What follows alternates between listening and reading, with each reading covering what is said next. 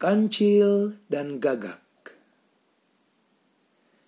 Itulah Tuan Gagak duduk tinggi di ranting. Apakah di mulutnya? Dendeng lezat sekeping.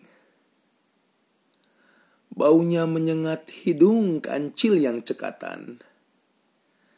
Apa kata si cerdik ini? Dengarkan. Salam bahagia Tuan Muda Gagak.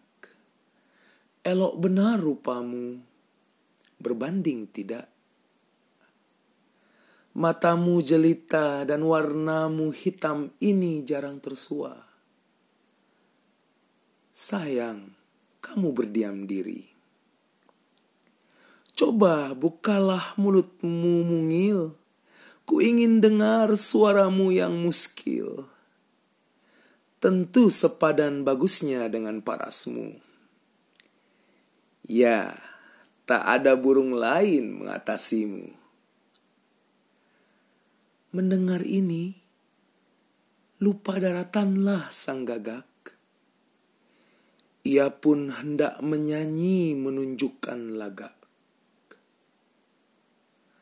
Tapi demi paruhnya ternganga. Tengok, jatuhlah dendeng dan kancil memangsanya. Berkatalah si tukang muslihat. Wahai kawan, siapa ingin selamat, jangan percaya pujian si pembujuk. Belajarlah bahwa tipu daya busuk diantarkan mulut yang manis merayu.